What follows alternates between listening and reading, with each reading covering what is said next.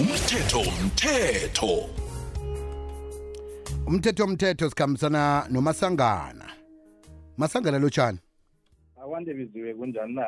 Yoke into ikuhamba kamnandi baba usithole. Sithokoza ithuba lokuthi ube nathi godi namhlanje si uzosihlahlula endabeni yomthetho eh enhlokweni ezahlukahlukeneko. Kodwa ke senamhlanje sisivulavulekileke eh ngazuthi kuzasikatelela ukuthi singene singenelele ngaphakathi kwaso ngoba siqakathekile kodwa nazivulavulekile ngiyathokoza biziwe kuba namehleleni lapha namhlanje lotshise nabalaleli wonke wekwezi f m kukhanya ba sithokoza kakhulu kwamabala masangana masangana umthetho kunalapho okhambe eh ufike khona uthinte abantu ngendladlana thize. Kodwa lena ngokuthi uqala isikopilo ubone ngasuthi ikhambe kuchayisana ngikwenzele ke isibonelo.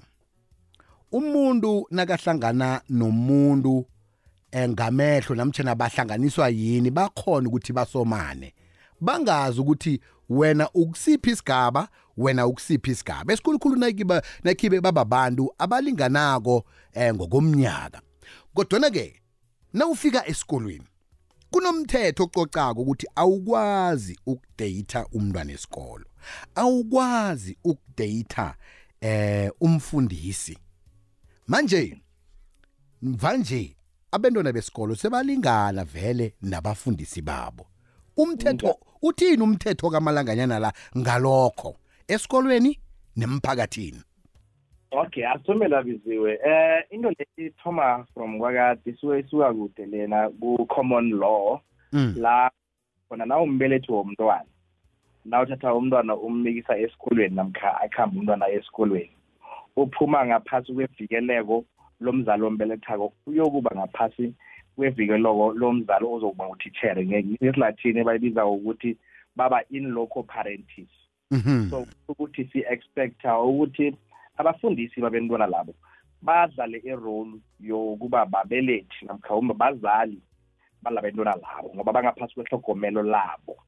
Ngaphandle kokuqalwa ukuthi bathiyena nga-2 years ka-1 year namtjana bayalingana.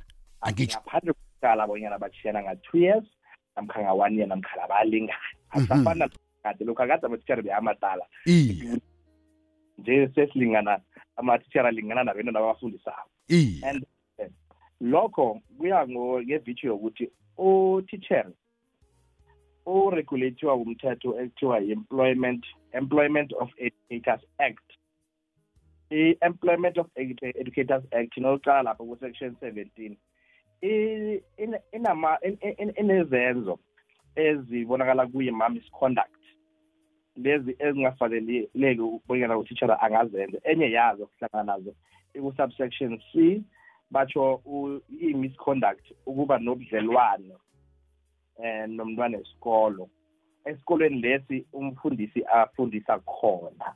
Okay. Namkhathwe khona. Iye. Asithi-ke umfundi eh umfundi wakesinye isikolo ofundisa kolo ufundisa kesinye isikolo bahlangana elokishini uthini umthetho nasifika lapho? I-employment of educators act i-silent ngalokho.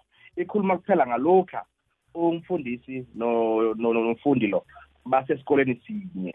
Ngoba nje no- nongathi uyaqala biziwe ngenze umzekelo la kunaku ke sithi umfundisi eh, uba nobudlelwane nomntwana esikolo and then obviously if um- umfundi umfundi lo akabereke ukusinyaka na ophelako and wena ungumfundisi kuba ne-expectation esikhathini esiningi ukuthi hawu ngoba ngizwana nomuntu nje and umuntu nje une-power une-authority why angangenzeli ifavor ukuthi ngikhona ukuphatha ngidlulile kwelinye ibanga? Hmm.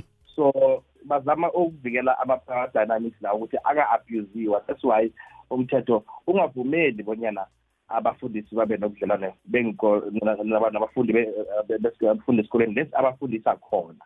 Nakwesinye isikolo umthetho usilent awutsho bonyana ngenza ukuthi inkinga iba kuphi kodwana-ke kuba nemunye umthetho esiwubiza ukuthi yi-criminal law in bracket sexual uh, offences and related matters act.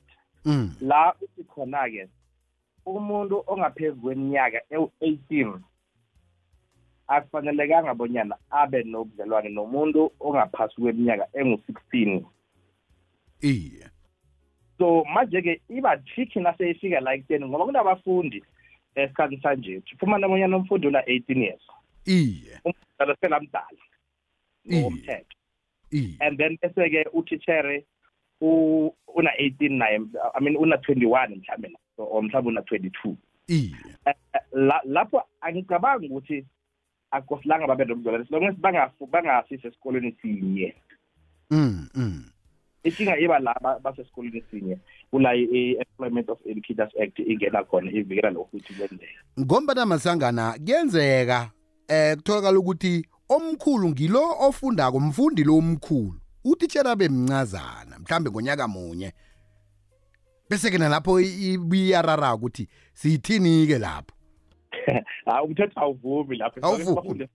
as long as basesikolweni sinye awa awuvumi lapho. Qala-ke masangana angitsho kunande kuba ne- nezehlakalo ezikhambe zivele esikolweni. Bese kuthiwa "Ey, umfundi lo akakhutshwe esikolweni isi ayisiwe kulesa. And isikolo lesa siwa kiso kulapho anomuntu khona. Aha. Ya ene la la- lapho khona-ke masiyifunda siyi-interpreta kuhle i-employment of educators act le ke ngiyifunde kanti ithi an educator must be dismissed. If he or she is found guilty of having a sexual relationship with the learner of the school where he or she is employed. Hmm. Phela nayinjalo phela umntwana umntwana kusho ukuthi ititsher lo kosa resign aphume lapho Eish. ngoba uzaba zithola sesikoleni esi-one nomfundi loya. Be- before beyangekho esikoleni leso mfundi leso so batransferile for whatever reason. Sekeze kule sikole lesi. La kufundisa khona lo. Hayi lo kusho khona abanyana omunye wabo kosabona iplan ukuthi uyaphuma lapho eh ma, ma, masangana uyabona isihloko lesi sivula abantu amehlo ngandledlana zinengana lapho ngombana eh omunye umuntu udawa ule mina ngile angayicabanga ngendlela leyo. Manje ke ngengiziphi izinto efane umfundi namtjana umfundisi aziqale nayikhibe mhlambe usafuna namtjana unobudlelwane nomuntu omfundisako ngalesi sikhathi afane azitsheje eh into ekhona in- into ekosele ukuthi ibe khona nje kuphela beziwe nje ukuthi akukosilanga nje ukuthi umfundi nomfundisi babe nobudlelwane esithome lapho nakhibe uyafuna ukuba nobudlelwane nomfundi loyo am- amlinda asaqeda isikole. Ngiye yi-option ekhona kuphela. Nawukha umfundisi lo aresign afumane omunye umbereko then lapho angaba nobudlelwane nomuntu lo ngendlela afuna ngayo. Hey bazamthatha abangani bami. Kulende sasele 3 years. Bazamthatha abangani bami. Mina ngatsho njalo. Uyaphela Mm. kodwana ke into eqhakathekileko ukuthi nayikhibe mhlawumbe umuntu eh osafuna ukungena ebizelweni le teaching fanele uzazi into ezifana nalezi ukuthi eh zibekiwe. Na usesikolweni umfu, umfundisi bonke abantwana bakhona ngapho bentwana bakho. Awukwazi ukusoma umntwana akho awukwazi ukukhuluma amagama eh angathi ayalumalumela eh i-network aw- awukwazi ukuthi unga- ungakhuluma amagama angasuthi ayalumalumela emntwini omfundisako. Namtshana ngaba mncane nakuwe nga-one year namtshana niyalingana namtshana mkhudlwana kancane kunawo kunawo eyi network utshilo utshilo masangana cabanga ukuthi-ke izwakele masangana eh cabanga ukuthi load shedding lapho. Ngiyacabanga ukuthi-ke udobhadobhile-ke nawe um mlaleli kwekwez f m um lapho-ke umasangana ah, aphawule khona. Cabanga ukuthi ngimthola akwazi ukuthi-ke a- anishiyele-ke inomboro zomtato. Simlinge kodwa sikwazi ukuthi eh anishiyele inomboro zomtato begodu-ke nama ne-email address.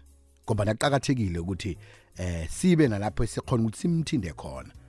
Ziningi into esikhambe esihlangabezana nazo siphila bakwethu. Ziningi right ngimlinge nje godu masangana.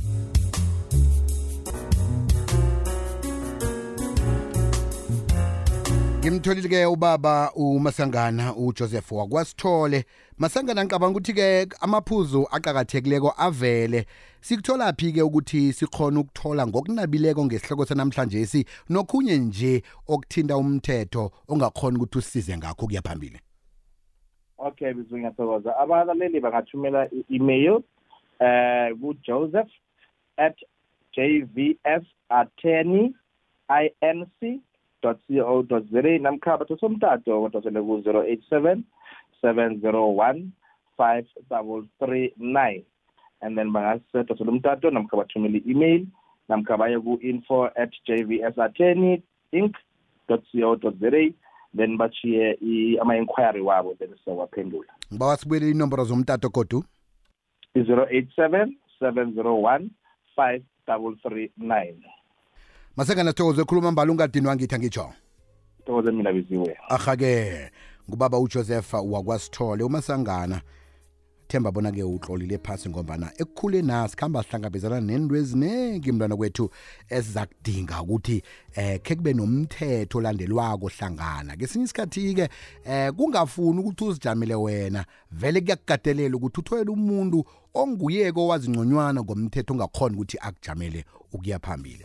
Lihlelo umthetho umthetho siba nalo ngomvulo ngo-10 past 2 bekube ngalesi sikhathi. Umthetho umthetho